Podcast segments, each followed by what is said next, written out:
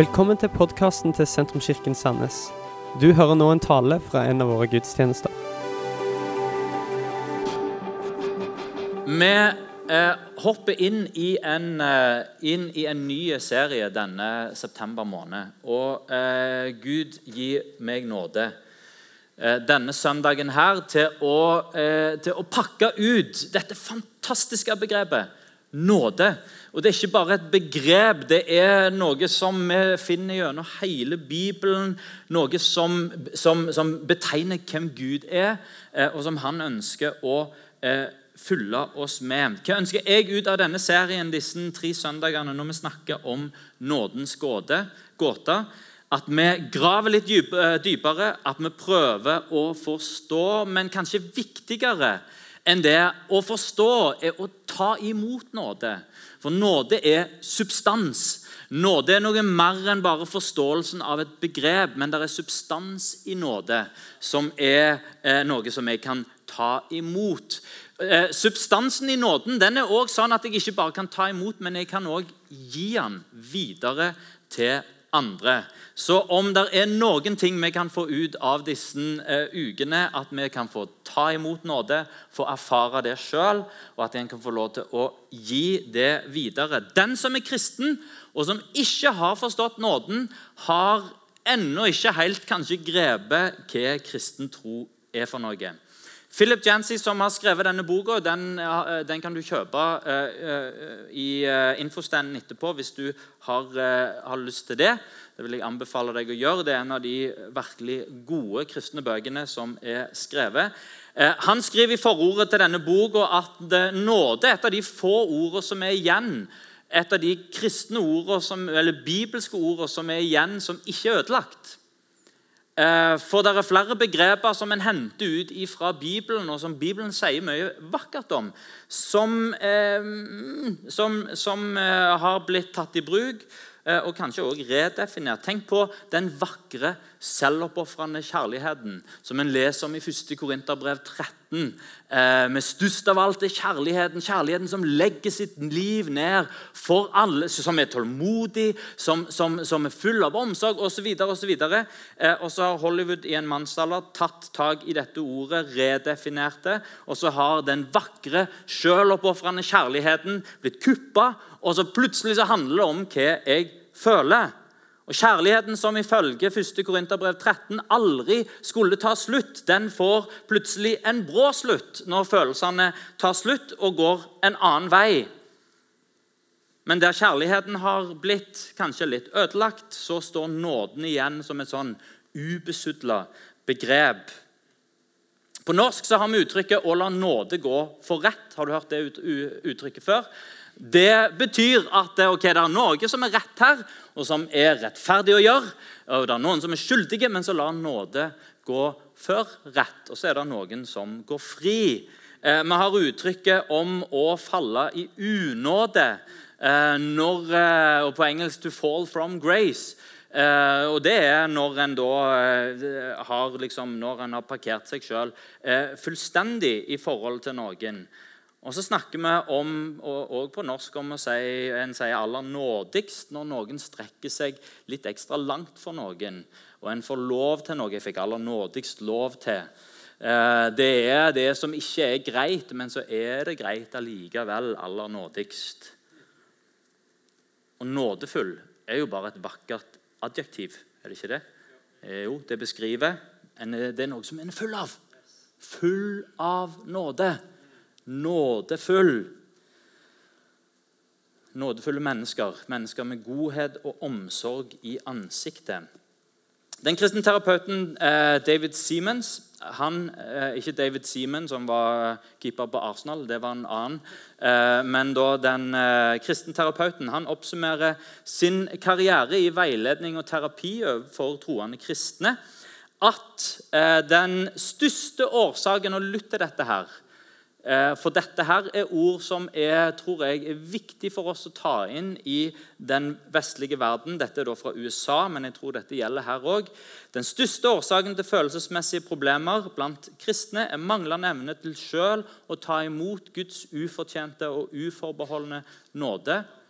Og på samme vis manglende evne til å gi dette til andre.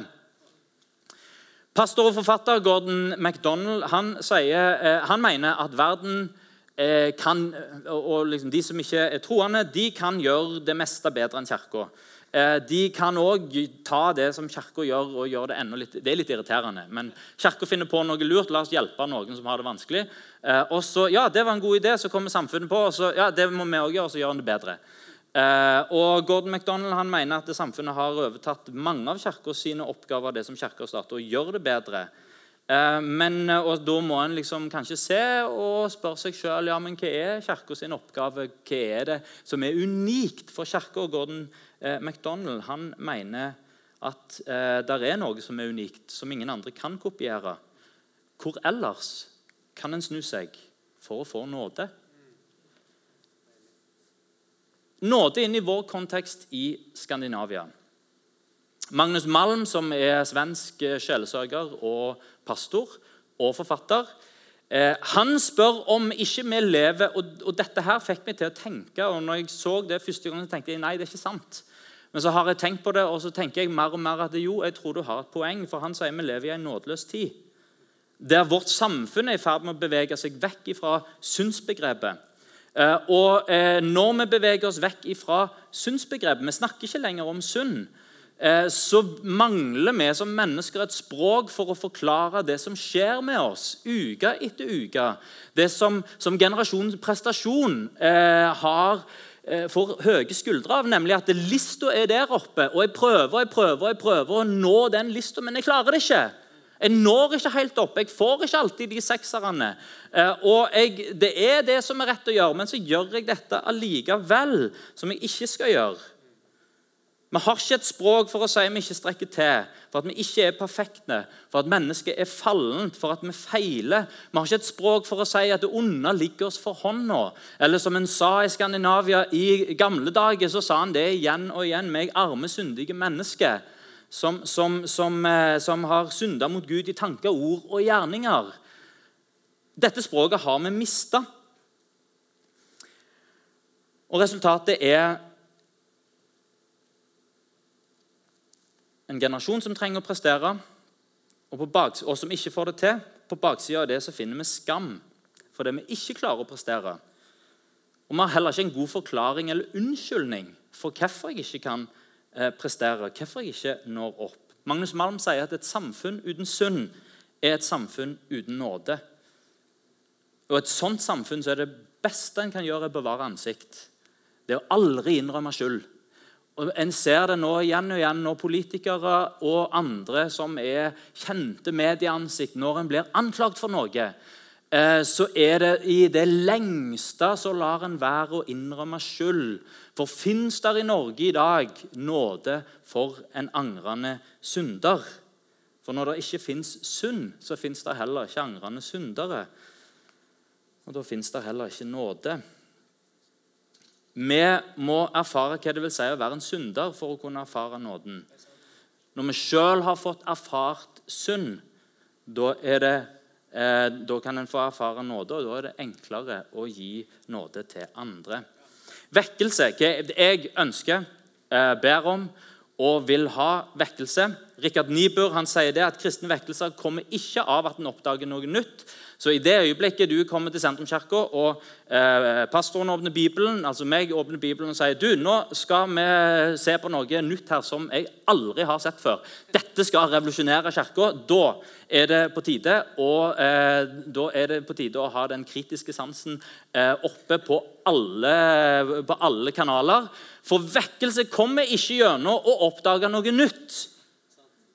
Men vekkelse det handler om å ta på alvor og ta radikale valg knytta til noe som alltid har vært der.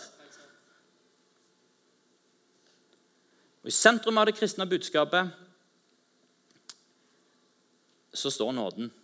Om vi begynner å få tak på nåden, det er nøkkelen til å leve et hellig, rettferdig liv. For kjærlighet er alltid en sterkere motivasjon enn frykt.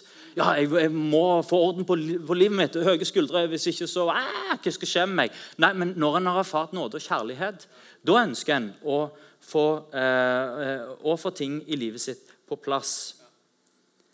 I et samfunn som står i fare for å miste nåden, så trekkes mennesker i behov av nåde mot der han fins.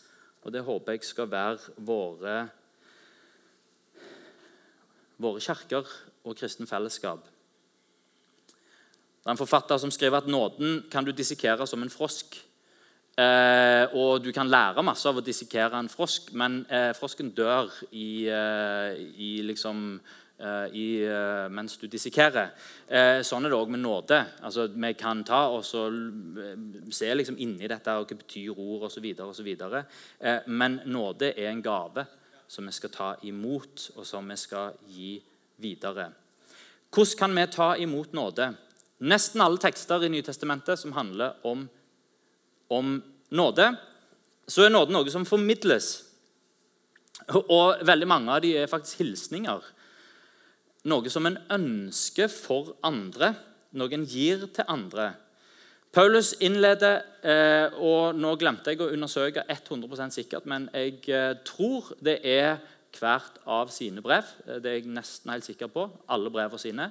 Eh, åpner han med 'Nåde være med dere og fred fra Gud'. Nåde være med dere og fred fra Gud. Han skal skrive et viktig brev til kirken. Nåde være med dere og fred fra Gud.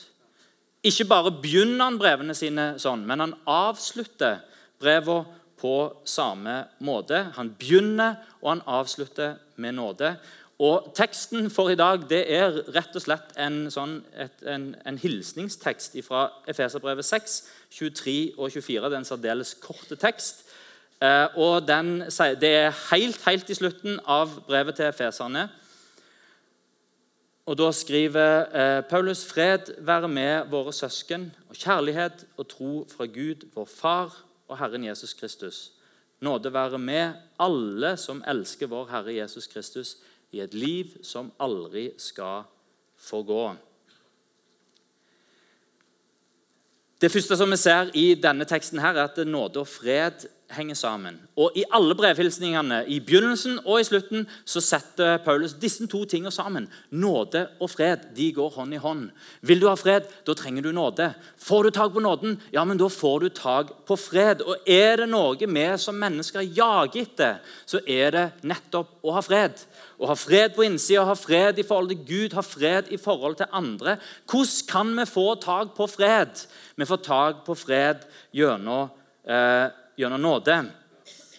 Eh, og Bono, den eh, eh, litt sånn mildt sagt ikoniske sangeren fra U2 han har en gammel uttalelse som, som, kom fram i en samtale med en journalist som skrev bok om Bono, og som òg via ganske stor del av den, av den boka til hans kristne tro. Eh, og Første gangen jeg hørte dette, så stussa jeg over hva han faktisk sa. Jeg eh, tenkte at okay, Det som han sier nå, det gjør han for å gjøre seg sjøl interessante, for å si noe eh, som skal vekke litt oppsikt, for å bruke litt kule ord på sin tro. Det var det jeg tenkte først. Beklager Bono. Men det satte seg etterpå. Jo mer jeg har tenkt på det, så, jo mer så gir det mening. Og jo mer ønsker jeg å gjøre de ordene til mine egne. Bono sier det som holder meg på kne, er forskjellen mellom nåde og karma. Og Nå forstår du hvorfor det, ja, det var en litt sånn eh, rar måte å snakke om troa si på. Så forklarer han videre at karma er sentrum av alle religioner. Alt du gjør, og hva er dette karma? Alt du gjør, kommer tilbake på deg. Det er sentrum faktisk i den, eh, i den naturlige verden òg. Det er sentrum av universet. Eh, der er lover om å så og høste. Du har bevegelseslover som sier at du, når du setter i gang med en eh, nå er ikke jeg, jeg har bare tre FY eh, fra Sandnes videregående for 25 år siden, så jeg kan ikke altfor mye om dette. Men når du setter i gang en bevegelse, ja, men da responderer det. Der er noe med, med, med, med dette at det som du gir, det kommer tilbake på deg. Og til med så finner vi dette i Bibelen. Det som et menneske sår, det skal et menneske òg høste. Vi får som fortjent. Du høster det du sår. Det er karma. Og Vi bruker jo også det uttrykket 'når noen får som fortjent'. Ja, det er sikkert karma. Eh, når, når, eh, når, det er noen som virkelig er uheldige. Bono fortsetter med eh, å si at eh, han eh, foretrekker nåde foran karma fordi han vet at, at i seg sjøl så er han ingenting. Jeg har gjort mye dumt, sier han, og jeg strekker meg etter nåde. Jeg strekker meg etter at Jesus tok mine synder på korset fordi jeg vet hvem jeg er, og jeg håper å ikke være avhengig av min religiøsitet. Poenget med Kristi død er at Kristus tok på seg verdens synder, sånn at, vi, at det vi gjør, ikke kommer tilbake på oss, og at vår syndefulle natur ikke høster en innlysende død. Det er poenget. Det skulle holde oss ydmyke. Det er ingens gode gjerninger som tar dem til himmelen. Og Karma er altså da denne, den hinduistiske troen at det som du gjør i dette livet, det følger deg inn i det neste livet. Utfordringen med karma og denne måten å tenke på at ja, men det, det du får som fortjent, det er at uh, det er liten barmhjertighet. Det er liten omsorg for den fattige. Det er liten omsorg for krøplingen og for den blinde og den uheldige. Fordi hvem vet hva denne har gjort i sitt tidligere liv? På samme vis er det liten ydmykhet i, møte med rikdom. Det er liten uh, ydmykhet i møte med makt. og Dette ser en fra samfunn med skjebnetro òg.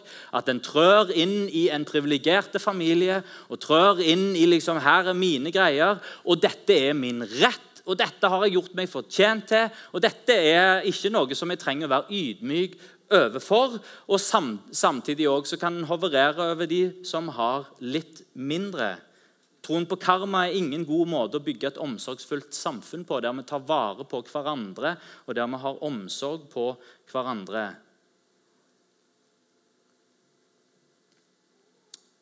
Karma er ideen om at alle til slutt får som fortjent. Når alle får som fortjent til slutt, da er hevn en veldig god idé. Fordi hevnen gir tilbake som fortjent. Og jeg må innrømme at hevnen er en god idé i en Hollywood-film. Det er ofte utgangspunkt for en veldig god film når noen innvier der urettferdighet har blitt begått. Nå har jeg funnet mitt livsmål. Jeg skal hevne ugjerningen som har blitt gjort, og jeg gir meg ikke før det er på plass. At noen vier sitt liv til å hevne en udød. Men å leve sitt liv etter karma er ingen god idé. Den som nådeløst gir igjen, er sjøl nådeløst fortapt når rollene er byttet om. Og i en verden, og dette er jo klisjé, men det er sant, i en verden der alle gir øye for øye og tann for tann, så er vi til slutt alle blinde og tannløse. Hevn bringer ikke fred. Og dette Om du ikke husker så mange ting fra denne prekenen Hevn bringer ikke fred. Å ta igjen bringer ikke fred. Når hevnen er fullført, så er freden vekke. Ja, han fikk som fortjent, hun fikk som fortjent, men det er ingen fred på innsida. Og hva skal jeg leve for nå? Når alle skal få som fortjent, så er bitterhet en god idé. For når livet ikke er rettferdig, og når det som skjer, ikke er rettferdig, ja, men da er det min rett å være bitter, da er det min rett å være sure, da er det min rett å holde fast på. Det er bare rett og rimelig. Vet du at hevnen er ikke søt? Hevnen er bitter. Nåden er søt.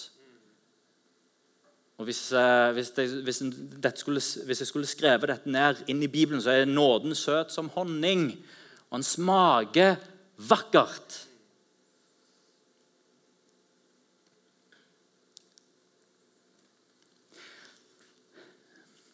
Spørsmålet er hvordan vår ydmykhet er. Norge er et rikt land. Vi har enorme ressurser, eh, og vi har det utrolig godt. Eh, men sånn fra gammelt av så har nordmenn og kanskje skandinaver også vært ganske ydmyke i møte med resten av verden. Kanskje litt for ydmyke, stått med lua i hånda, men jeg lurer på om ting har skifta litt. Og at vi nå, når vi sitter på toppen av, eh, av velferd i verden, at vi tenker litt sånn som Gro Harlem Brundtland lærte oss på 80-tallet, at det er typisk norsk å være god. Og at vi er, vi er, veld, vi vi er veldig bra. Eh, vi glemmer litt at det, er, at det er penger som pumpes opp fra Nordsjøen og bare fylles inn i alt det som vi driver på med. Og så tenker vi om oss sjøl at vi er kanskje litt bedre enn de andre. Se hvor bra vi har det, se hvor flinke vi er. Og så forsvinner ydmykheten vår vekk, og så tenker vi kanskje at vi har gjort oss fortjent til den levestandarden, det livet og det samfunnet eh, som vi har. Da er vi inne i karmatenkning igjen. Som stoler på seg sjøl, som stoler på sine ferdigheter, stoler på sin dyktighet. Tenker at det skal gi fred, gi fred, men karma gir ikke fred. Det gir ufred. Freden er kobla mot nåde. Og freden er kobla mot at jeg ikke får som fortjent. Den vet at selv om jeg har gjort dumme ting, så skal ikke det få lov til å definere meg. Og Vi kan gjøre som Bono, vi kan ta imot eh, nåde. Og Den som tar imot nåde, den tar imot fred. Og når jeg ikke får som fortjent, så går skuldrene ned. Nåde være med dere og fred fra Gud.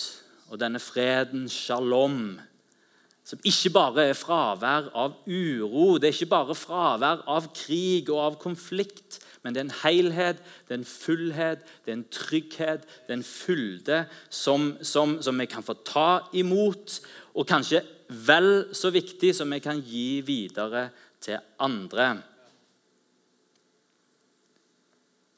Nåden gir oss nytt liv, og den gir oss nye muligheter. Den dekker over, og den tar vekk. Hvordan mottar vi denne nåden? Vi mottar nåde gjennom kjærlighet til Jesus. Nåde være med deg som elsker Herren Jesus. Hva ligger bak kjærlighet til Jesus? Eh, når vi forstår synden, så elsker en òg og nåden.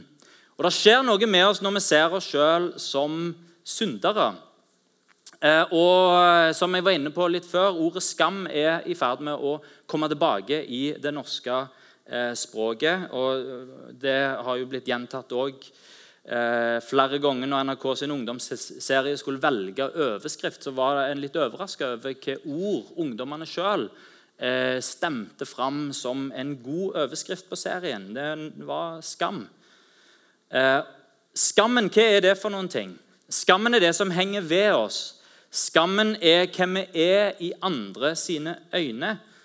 Eh, skam er det som jeg sjøl sitter igjen med. Jeg bærer skyld over det som jeg har gjort men jeg kan kjenne på skam overfor det jeg er. Da kan en skamme seg på vegne av sin familie. En kan skamme seg på Det er hvordan jeg er i Det å miste ansikt.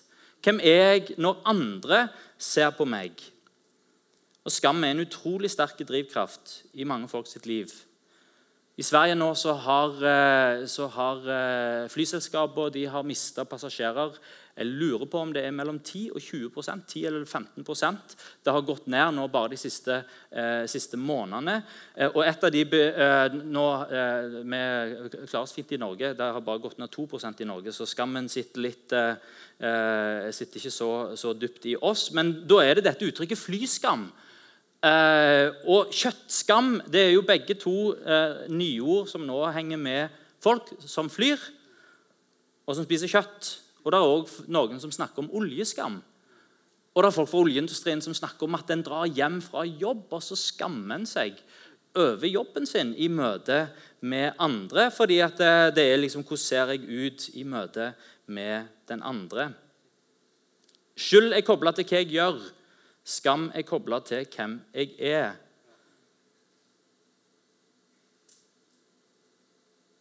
Vet du hva? Nåden tar vekk skam. Hvordan tar nåden vekk skam? Ved å gi en ny identitet. Gud kan ikke lyge. Det går ikke. Eh, I det øyeblikket Gud sier 'rosa elefant' med to snabler, så er det rosa elefant med to snabler. Fordi sånn fungerer Guds ord. Han kan ikke lyge. Han er ikke et menneske at han kan lyge. Så Det ser vi i skapelsesberetningen. Det er helt mørkt. Så sier Gud 'lys', og så blir det lys. Han skaper med sitt ord. Han sier 'la levende skapninger eh, virvle fram i havet', og så, voff, så er det levende skapninger. I havet. Han ser på deg, og så ser han det som du skammer deg over, og det som du bærer av skyld. Og så sier han du er rettferdig. Og voff! I det øyeblikket du er rettferdig. Han skaper med sitt ord. Og så gir han deg en ny identitet i det øyeblikket han sier det over deg. Det er derfor Guds ord er så kraftfullt, for det er Guds ord det skaper. Når vi våger å ta det til oss og sier det skal få lov til å være min identitet. Jeg er en sønn av Gud. Jeg er en datter av Gud. Jeg tilhører Han. Jeg tilhører Hans rike. Jeg er rettferdig, jeg er hellig, jeg er himmelen verdig. Jeg er reine fordi Han har sagt det. Rosa elefant med to snabler. Nåden tar vekk skyld. Fordi med nåden så kommer tilgivelse, og tilgivelse det dekker over. Maler over og tar vekk skylden. Ikke bare har jeg en ny identitet, men jeg har en ny begynnelse igjen og igjen. I sommer når jeg var på Evangeliesenteret sitt eh, sommerstevne og skulle preke der, snakket jeg med en av sjåførene, eh, sjåførene som kjørte med. Alle sjåførene de hadde jo, de hadde jo fantastiske vitnesbyrd, alle sammen. Eh, og denne Sjåføren jeg tror han var nærmere 60 år. Han begynte med å fortelle meg at han hadde vært narkoman i 45 år. hadde han vært på stoff. Eh, men nå, og han, var noen over 60. Eh, et helt liv på stoff. Eh, og eh, Nå hadde han vært frelst i noen år, og det var så herlig. og Han smilte fra øre til øre, gleden over å få kjenne Jesus. Og Så fortalte han for et halvt år siden så fikk jeg lappen. Eh, og Han hadde jo mista lappen mange ganger, og eh, politiet tenkte han aldri skulle få den igjen, men nå hadde det fiksa seg. Eh, og, så, og, så, var han så stolt over bilen sin og sa denne bilen fikk jeg av mor mi. Hun sa du er en snill gutt. Og så ga hun denne bilen til meg. Og så treffer han en mann på 60 år som har fått opplevd ny identitet i Jesus. Hele skylda mi er tatt vekk. Byrden er løfta av mine skuldre, og jeg kan begynne på ny. Min mamma sier jeg er en snill gutt, og jeg er det. Og jeg kjører rundt i bilen min. Og jeg har fått tilgivelse, og jeg har fått nåde. Jesus sier til fariseeren Simon at den som har til, fått tilgitt lite, elsker lite. Mens den som har fått tilgitt mye, elsker mye. Og Han sier dette har vært en gjest hos fariseeren Simon. og Simon har bare diskutert teologi eh, og glemt av å gjøre alle høflighetstingene som en skulle gjøre når han hadde besøk. Og Så kommer den kjente prostituerte dama inn, og så gjør hun alt det som Simon skulle gjort og vasker Jesus sine føtter, salver han med olje. Hun tørker til, hun, hun, hun tørker til med av føttene hans med håret sitt. Og så griner hun der. Og Det er tydelig for alle å se at det her er det sterke følelser i sving. Og Jesus sier at den som er tilgitt mye, den elsker mye. I møte med Gud så er det ikke snakk om vi har fått tilgitt mye eller lite. Men det er bare å se hva vi har blitt tilgitt. Og Vi glemmer ofte av når en sjøl ikke har vært som han som jeg møtte, som kjørte meg, som var snill gutt nå, og som hadde vært eh, narkoman i mange år. Eh, så glemmer vi å se hva vi har blitt tilgitt av egoisme, av materialisme, av stolthet, eh, av ting som sitter fast i vår besteborgerlighet, som han har tilgitt oss og gitt oss nåde for. Vi har kjærlighet til Jesus når vi ser han gjennom evangeliet. Og vi har kjærlighet til Jesus når vi ser han i hans ord.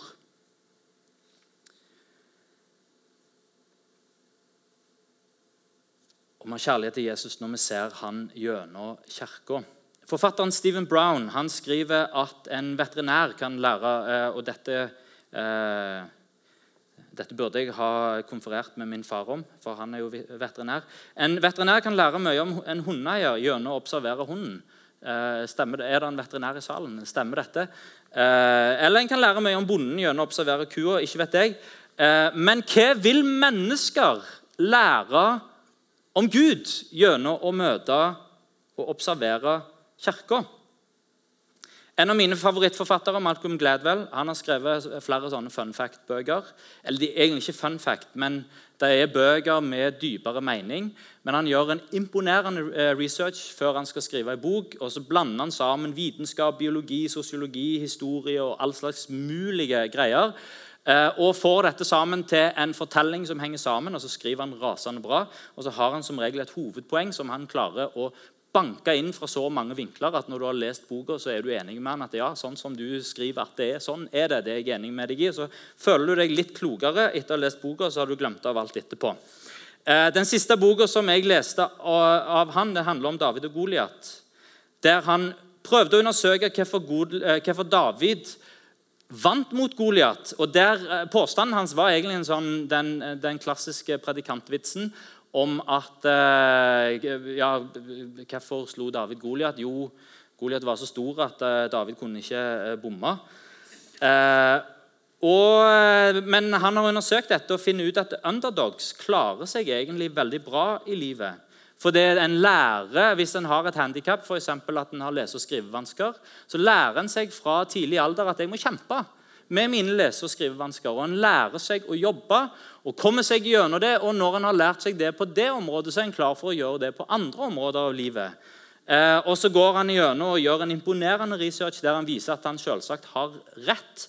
Eh, og så eh, og så er det jo dette møtet da, i denne boka med ei kristen dame som heter Wilma Dirksen. Det som Malcolm Gladwell forteller når han skriver David mot Goliat, er at i løpet av denne prosessen så finner han tilbake igjen til sin kristne tro. Den sekulære New Yorkeren som har mista troa si, eller som passifiserte troa si. Når han intervjua denne kristne dama, Wilma Dirksen, så skjedde det noe med Malcolm Gladwell. For hun hadde tilgitt sin datters morder og overgriper. Og Gladwell sammenligna med en annen familie som hadde opplevd nesten det samme. Der den andre familien tok energien fra det som skjedde, og bestemte seg for å kjempe eh, og investere hele livet sitt inn i å jobbe for strengere straffer eh, for, for seksualforbrytere, og eh, som, som, som investerte hele livet sitt inn i dette. Og så traff han denne enkle dama som sa at 'jeg har tilgitt morderen'. Og familien hennes sa 'jeg har tilgitt eh, morderen'. Og Det gjorde dypt inntrykk på Gladwell. For hvor får en den moralske kraften til å kunne tilgi det verste som kunne skje? Og Det som han observerte i møte med denne familien, var at familien hadde fred. Vilma hadde fred. Hennes ektefelle hadde fred. Deres barn hadde fred. Deres familie var i fred. Og Denne dama og denne familiens nåde, som de hadde fått erfare fra Gud, og som de valgte faktisk å gi videre til den personen som hadde gjort det verste, som de kunne tenke seg, og påførte de det verste tapet som de kunne bli påført Det gjorde et sånn inntrykk at denne verdenskjente forfatteren han ble ledet tilbake igjen til tro. For Koranplass skal du kunne snu deg for å finne nåde enn gjennom tro på Han som gir nåde? I Fader vår så ber vi, forlat oss vår skyld, sånn vi òg forlater våre skyldnere. Og Jesus forteller en lignelse om mannen som ikke vil ettergi skyldneren sin, og ikke viste nåde. Og den Avslutningen av den lignelsen den er såpass alvorlig at Jesus på en måte kobler vår tilgivelse fra Gud opp mot vår tilgivelse av andre. At når vi insisterer på rettferdighet i møte med andre, ja, men da er det, ja, da er det rettferdighet som kommer over oss.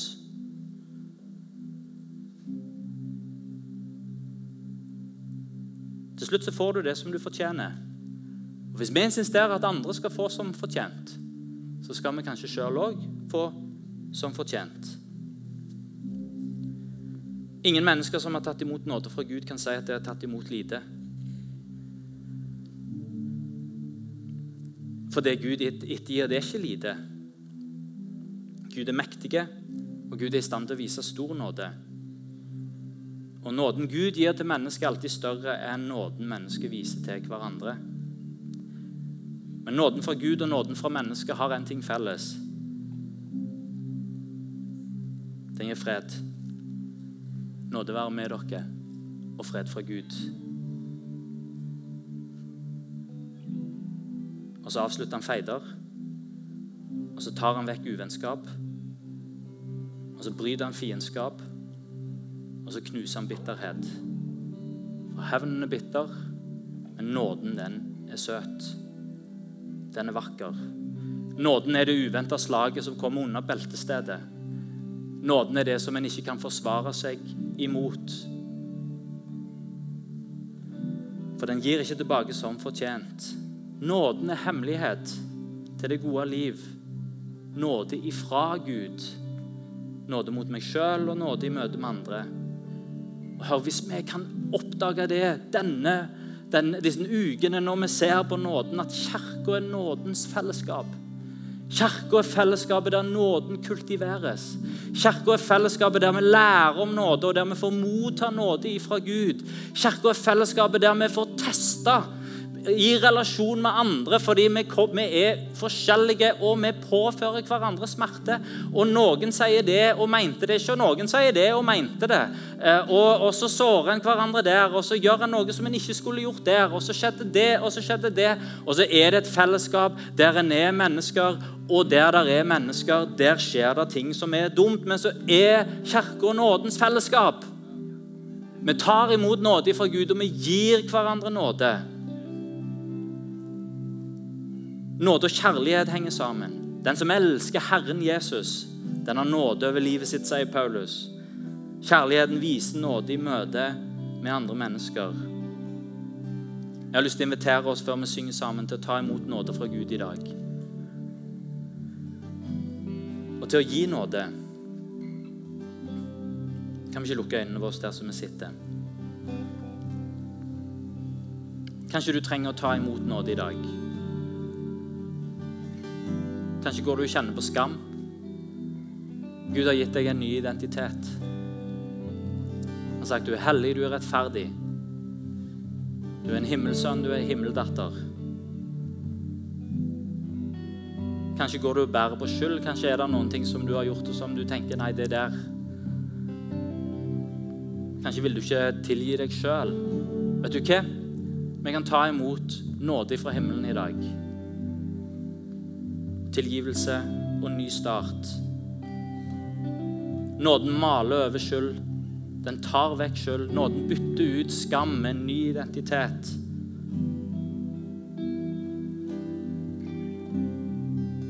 Så har jeg en invitasjon til deg som kanskje trenger å tilgi noen rundt deg. For den som har fått nåde, den gir nåde. Vi kan tilgi vår venn, tilgi vår ektefelle, tilgi våre barn, tilgi foreldre. Tilgi de som du, opplevd, som du opplever har behandla deg dårlig. Kanskje du trenger å tilgi naboen. Tilgi noen på jobb. Tilgi urett. Gi nåde. Det gir fred, og det er vakkert. La oss be Fader vår, forlat oss vår skyld, som vi òg forlater våre skyldnere. Gi meg nåde, Gud, som jeg kan gi videre til andre. For nåden, den redder ekteskap. Og nåden tar vare på vennskap. Og nåden kultiverer forholdet til sine barn og sine foreldre. Ber vi sammen. Takk, Herre, at du er her. Takk at vi kan få ta imot tilgivelse fra deg i dag. Takk at du sier det er tilgitt. Takk at du tar vekk og du maler over. Takk, Herre, at vi kan få ta imot din kjærlighet og nåde og din fred i dag så ber jeg om at du gir oss hjelp, Herre, til å tilgi og til å rekke ut ei nådens hånd til andre. Herre, jeg ber om at vi skal få ha ansikter som stråler av nåde, Herre. At du gir oss kraft til å tilgi, kraft til å ikke søke hevn, men til å søke fred.